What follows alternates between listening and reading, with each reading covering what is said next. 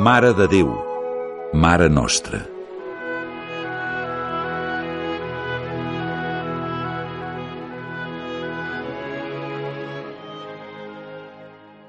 Totes les festes de la Mare de Déu són grans, perquè constitueixen ocasions que l'Església ens ofereix per demostrar amb fets el nostre amor a Santa Maria.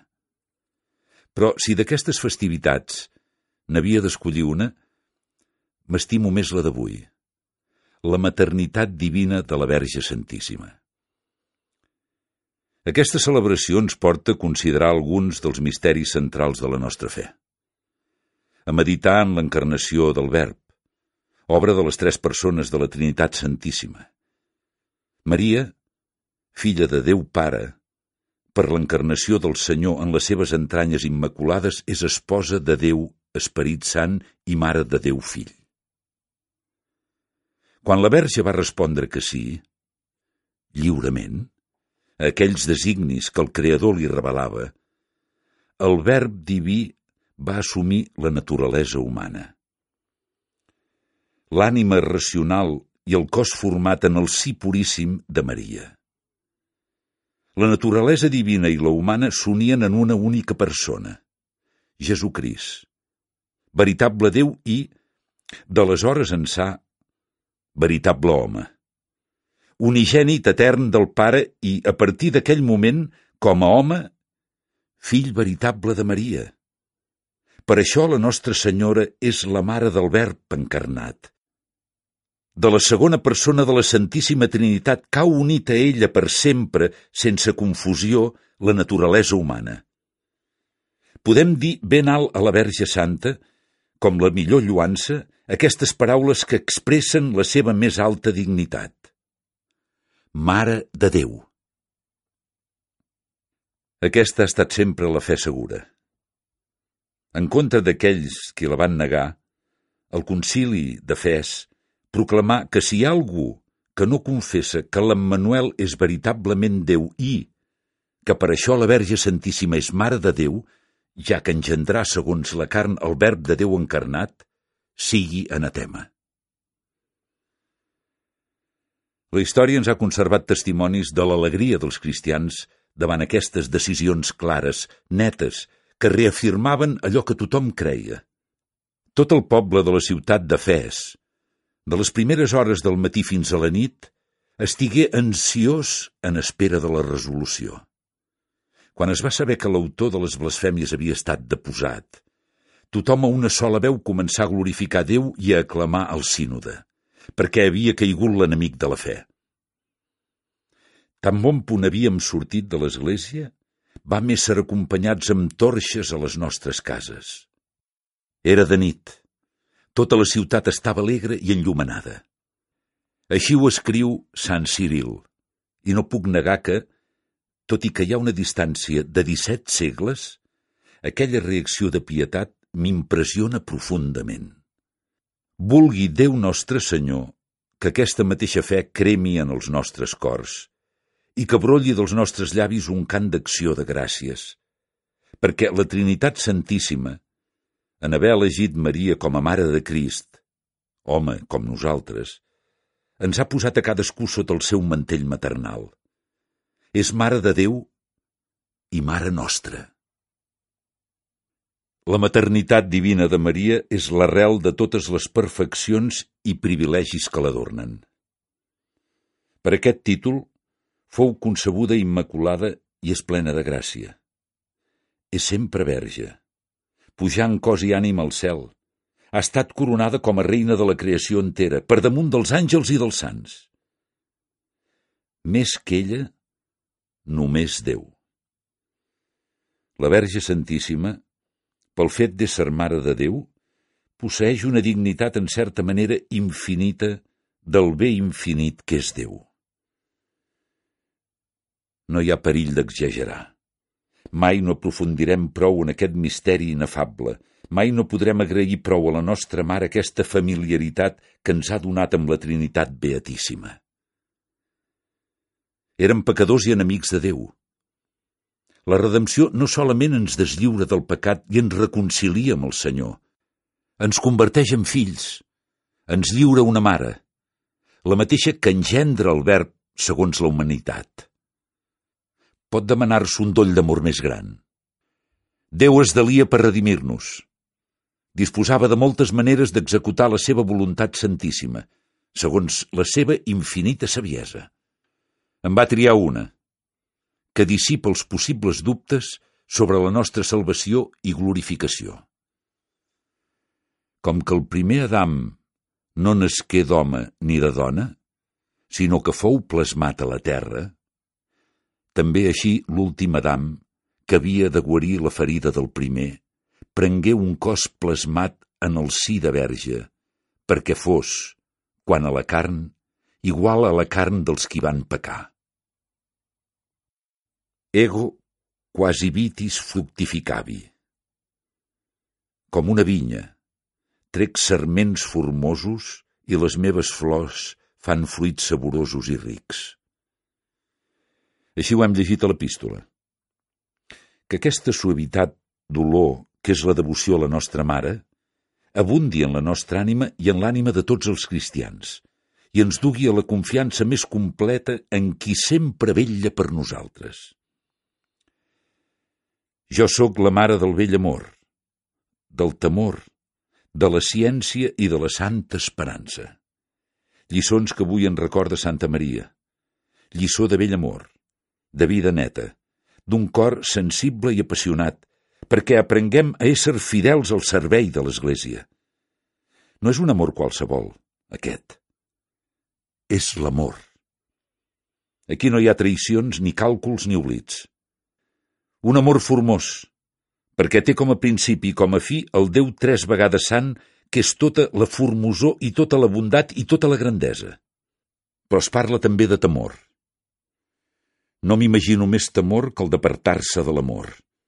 Puig que Déu nostre Senyor no ens vol apocats, timorats o bé amb una donació anodina. Ens necessita audaços, valents, delicats. El temor que en recorda el text sagrat ens du al pensament aquella altra queixa de l'escriptura. He cercat el qui estima la meva ànima. L'he cercat i no l'he trobat. Això pot esdevenir-se si l'home no ha comprès fins al fons què significa estimar Déu. Passa aleshores que el cor es deixa arrossegar per coses que no porten cap al Senyor i, com a conseqüència, el perdem de vista. D'altres vegades potser és el Senyor qui s'amaga. Ell sap per què. Aleshores ens anima a cercar-lo amb més delè i, quan el descobrim, exclamem joiosos «L'he agafat i no el deixaré anar». L'Evangeli de la Santa Missa ens ha recordat aquella escena commovedora de Jesús que roman a Jerusalem ensenyant el temple. Maria i Josep arribaren al terme de la jornada i el buscaven entre els parents i coneguts. Com que no el trobaren, se'n tornaren a Jerusalem a buscar-lo. La Mare de Déu, que cercà amb afany el seu fill, perdut sense cap culpa per part d'ella, que va experimentar l'alegria més gran en trobar-lo, ens ajudarà a desfer el camí fet. A rectificar el que calgui quan per les nostres lleugereses o pecats no reeixim a distingir Crist. Aconseguirem així l'alegria d'abraçar-nos novament amb ell per a dir-li que no el perdrem mai més. Mare de la ciència, és Maria, perquè amb ella s'aprèn la lliçó que més importa. Que res no val la pena si no estem al costat del Senyor. Que de res no serveixen totes les meravelles de la terra, totes les ambicions satisfetes, si en el nostre pit no crema la flama de l'amor viu, la llum de la santa esperança que és un avançament de l'amor interminable a la nostra pàtria definitiva. En mi trobareu tota gràcia de doctrina i de veritat, tota esperança de vida i de virtut. Amb quanta saviesa l'Església ha posat aquestes paraules en boca de la nostra mare, perquè els cristians no les oblidem. Ella és la seguretat, l'amor que mai no abandona, el refugi constantment obert, la mà que carona i consola sempre. Un antic pare de l'Església escriu que hem de mirar de conservar sempre en el nostre pensament i en el nostre record un resum ordenat de la vida de la Mare de Déu.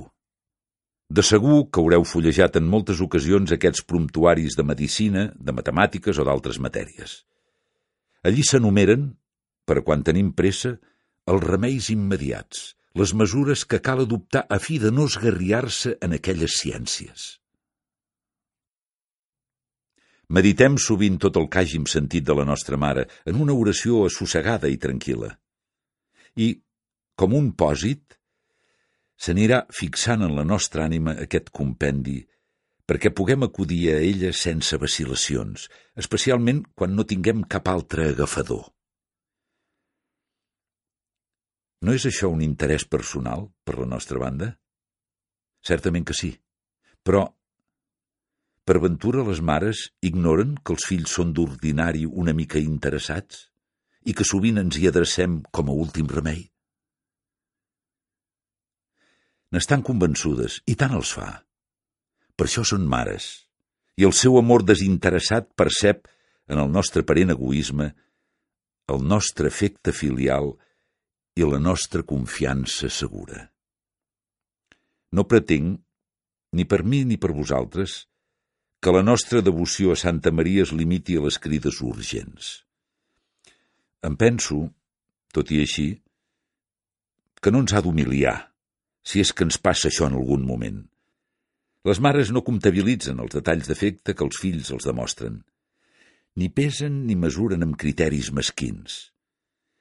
Assaboreixen qualsevol petita mostra d'amor com si fos mel i s'aboquen de ple concedint molt més que no reben. Si és així com reaccionen les mares bones de la terra, afigureu-vos què no podríem esperar de la nostra Mare Santa Maria. M'agrada de tornar amb la imaginació aquells anys que Jesús s'estiga al costat de la seva mare, que comprenen gairebé tota la vida de Nostre Senyor en aquest món. Veure el petit, quan Maria en té cura i el besa i l'entreté. Veure'l créixer, davant els ulls enamorats de la seva mare i de Josep, el seu pare a la terra. Amb quina tendresa i amb quina delicadesa Maria i el sant patriarca es devien preocupar de Jesús durant la seva infantesa i, en silenci, devien aprendre molt i constantment d'ell. Llurs ànimes es devien anar emmullant a l'ànima d'aquell fill home i Déu.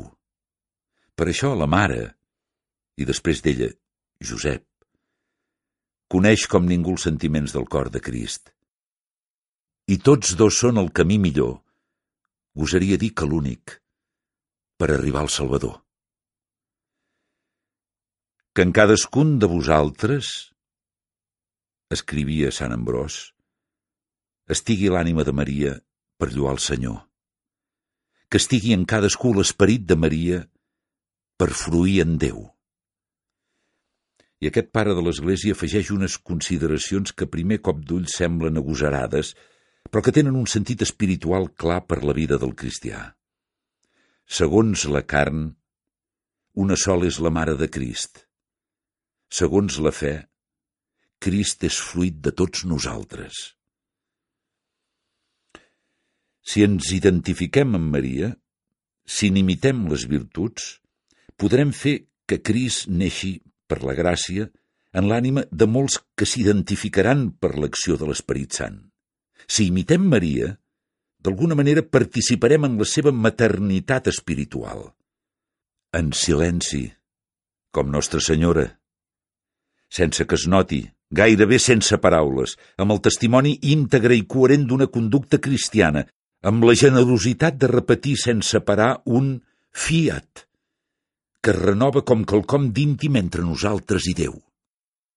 Un gran amor a Nostra Senyora i la manca de cultura teològica va portar un bon cristià a fer-me conèixer una certa anècdota que us explicaré, ja que, amb tota la seva ingenuïtat, és lògica en una persona de poques lletres. Prengui-s'ho, em deia, com un desfogament, comprengui la meva tristesa davant algunes coses que s'esdevenen en aquest temps. Durant la preparació i el desenvolupament del concili actual, ha estat proposat d'incloure el tema de la verge. Així, el tema. Parlen així, els fills. És aquesta la fe que han professat sempre els fidels. Des de quan l'amor a la verge és un tema, sobre el qual hom pot admetre d'entaular una discussió a propòsit de la seva conveniència. Si hi ha quelcom que estigui renyit amb l'amor, és la gasiveria. No em fa res de ser molt clar. Si no ho fos, continuava, em semblaria una ofensa a la nostra Mare Santa. S'ha discutit si era o no oportú d'anomenar Maria Mare de l'Església. Em molesta baixar a més detalls, però la Mare de Déu i, per això, Mare de tots els cristians, no ha de ser Mare de l'Església, que és la reunió dels qui han estat batejats i han renascut en Crist, fill de Maria. No m'explico, anava dient, d'on neix la mesquinesa d'escatimar aquest títol en lluança de Nostra Senyora. Que n'és, de diferent la fe de l'Església. El tema de la Verge. Pretenen els fills plantejar el tema de l'amor a la seva mare.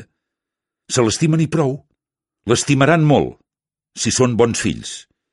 Del tema, o de l'esquema, en parlen els estranys, els qui estudien el cas amb la fredor de l'anunciat d'un problema. Fins aquí el desfogament recte i pietós bé que injust, d'aquella ànima simple i devotíssima. Continuem ara considerant aquest misteri de la maternitat divina de Maria en una oració callada, afirmant des del fons de l'ànima, Verge, Mare de Déu, aquell que el cel no pot contenir s'ha reclòs en el vostre sí per fer-se carn d'home. Mireu què ens fa recitar avui la litúrgia. Benaurades siguin les entranyes de la Verge Maria que acolliren el fill del Pare Etern. Una exclamació vella i nova, humana i divina. És com si diguéssim al Senyor, tal com es fan certs indrets per exalçar una persona, beneïda sigui la mare que et portà al món. Maria cooperà amb la seva caritat perquè nasquessin en l'Església els fidels, membres d'aquell cap, del qual és efectivament mare segons el cos. Com a mare ensenya, i també com a mare, les seves lliçons no fan remor.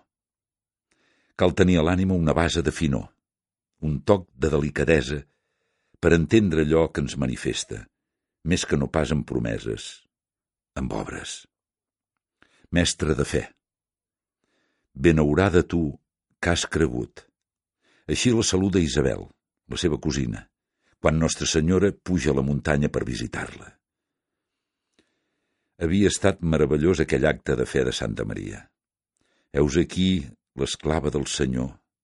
Facis amb mi segons la vostra paraula. En el naixement del seu fill contempla les grandeses de Déu a la terra. Hi ha un cor d'àngels i tant els pastors com els poderosos de la terra venen a adorar el nen. Però després la Sagrada Família ha de fugir cap a Egipte per escapar dels intents criminals d'Herodes. En acabat, el silenci. Trenta anys llargs de vida senzilla, ordinària, com la d'una llar més d'un poblet de la Galilea. El Sant Evangeli, breument, ens facilita el camí per entendre l'exemple de la nostra mare. Maria retenia totes aquestes coses i les ponderava en el seu cor. Procurem nosaltres imitar-la, tractant amb el Senyor en un diàleg enamorat de tot el que ens passa, fins i tot dels esdeveniments més petits. No oblidem que hem de sospesar-los, avaluar-los, veure'ls amb ulls de fe per tal de descobrir la voluntat de Déu. Si la nostra fe és dèbil, acudim a Maria, ens conta Sant Joan que pel miracle de les noces de Canà, que Crist va fer atenent el prec de la seva mare, els seus deixebles cregueren en ell. La nostra mare intercedeix sempre davant el fill perquè ens atengui i se'ns mostri, de tal manera que puguem confessar «Vos sou el fill de Déu». Mestre d'esperança. Maria proclama que li diran benaurada totes les generacions. Parlant humanament, En quins motius es recolzava aquesta esperança? Qui era ella per als homes i dones d'aleshores? Les grans heroïnes de l'Antic Testament, Judit, Esther, Dèbora, ja aconseguiren una glòria humana a la terra. Foren aclamades pel poble, exalçades. El tron de Maria, com el del seu fill, és la creu i durant la resta de la seva existència, fins que pujar en cos i ànima al cel, és la seva callada presència allò que ens impressiona. Sant Lluc, que la coneixia bé, anota que està amb els primers deixebles en oració. Així acaba els seus dies terrenals la que hauria d'ésser lluada per les criatures fins a l'eternitat. Com contrasta l'esperança de Nostre Senyor amb la nostra impaciència – Sovint reclamem a Déu que ens pagui de seguida la mica de bé que hem fet. Així que surt la primera dificultat, ja ens queixem. Som, moltes vegades, incapaços d'aguantar l'esforç, de mantenir l'esperança, perquè ens falta fe. Benaurada tu, que has cregut, perquè s'acompliran les coses que t'han estat dites de part del Senyor. Mestre de caritat, Recordeu aquella escena de la presentació de Jesús al temple. L'ancià Simeó assegurà a Maria, la seva mare, «Mira, aquest és posat per a caiguda i redrés de molts a Israel i com a signe de contradicció. I a tu mateixa una espasa et traspassarà l'ànima, perquè així es revelin els pensaments de molts cors». La immensa caritat de Maria envers la humanitat fa que s'acompleixi en ella, així mateix, l'afirmació de Crist. Ningú no té un amor més gran que el qui dona la pròpia vida pels seus amics. Amb raó, els romans pontífecs han anomenat Maria corredemptora. De tal manera, juntament amb el seu fill pacient i morent, va patir i gairebé va morir, i de tal manera, per la salvació dels homes, abdicar els drets materns sobre el seu fill i l'immolar en tant que d'ella depenia per apaivagar la justícia de Déu? Que hom pot dir d'ella amb raó que redimia el gènere humà juntament amb Crist. Així entenem millor aquell moment de la passió de Nostre Senyor, que mai no ens cansarem de meditar. Estabat autem juxta cruixem Iesu mater eius estava al costat de la creu de Jesús, la seva mare. Haureu observat la manera com algunes mares, mogudes d'un orgull legítim, s'apressen a posar-se al costat dels seus fills quan triomfen, quan reben un reconeixement públic.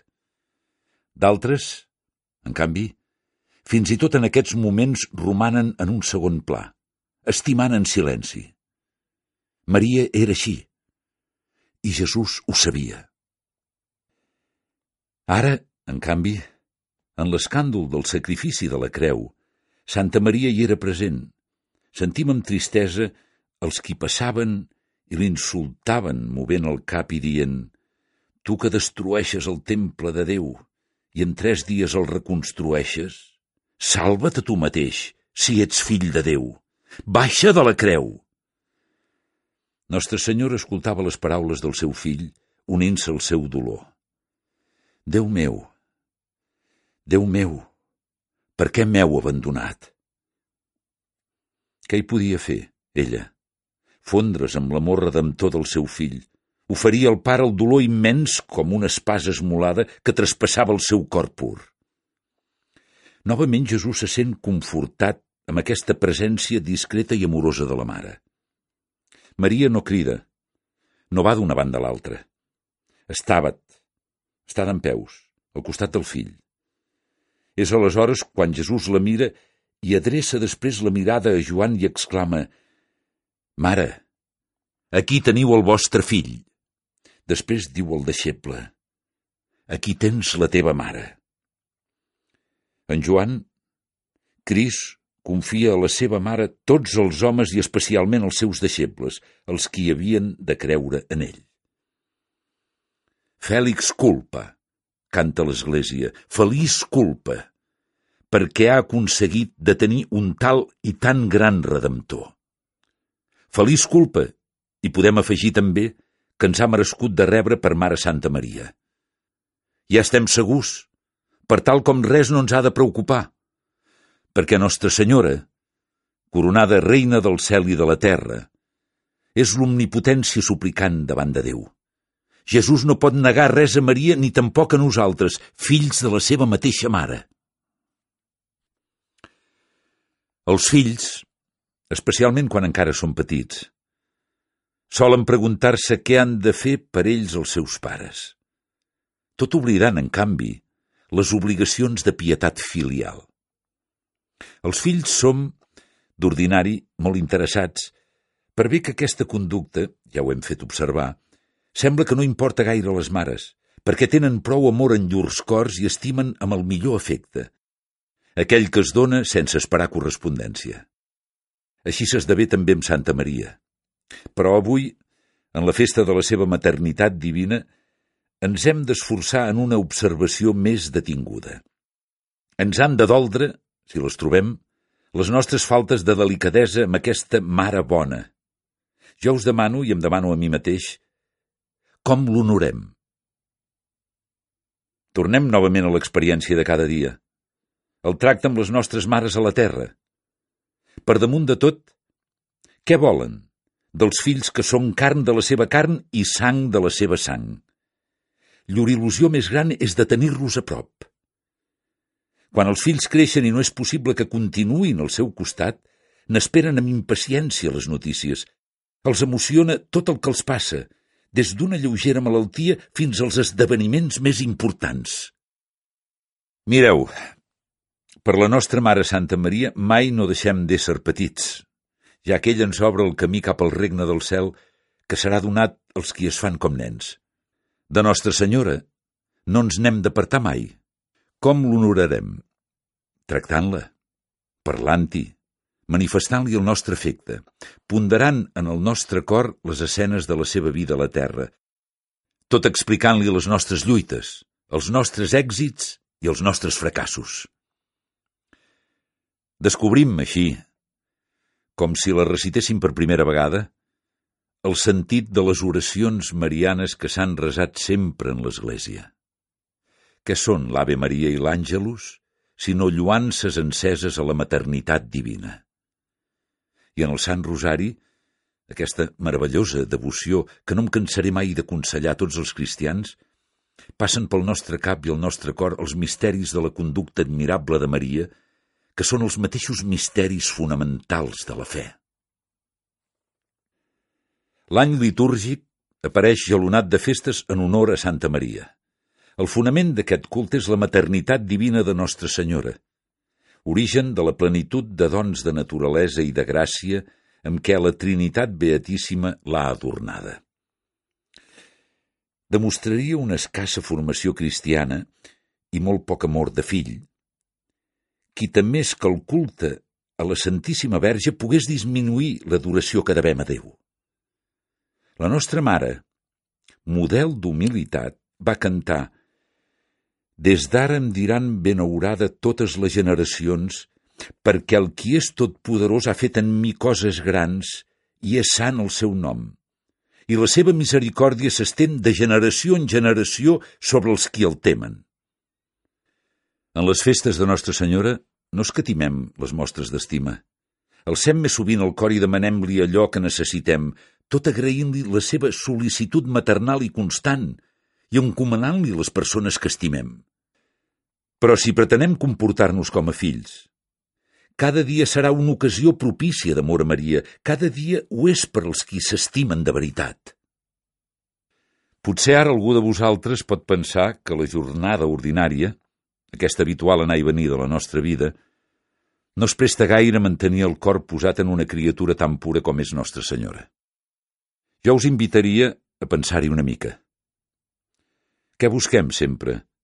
Fins i tot sense una atenció especial en tot el que fem. Quan ens mou l'amor de Déu i treballem amb rectitud d'intenció, cerquem allò que és bo, allò que és net, que porta pau a la consciència i felicitat a l'ànima. Que no ens manquen les errades. Sí, però justament reconèixer aquestes errades és descobrir amb una major claredat que el nostre final és aquest, una felicitat no passatgera, sinó profunda, serena, humana i sobrenatural. Hi ha una criatura que va aconseguir tota la felicitat en aquesta terra, ja que és l'obra mestra de Déu, la nostra Mare Santíssima. Maria. Ella viu i ens protegeix. S'està al costat del Pare i del Fill i de l'Esperit Sant en cos i ànima.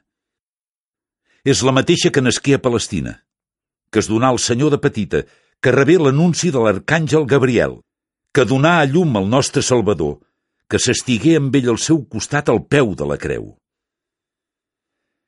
En ella prenen realitat tots els ideals. Però no hem de concloure que la seva sublimitat i grandesa ens és presentada inaccessible i distant.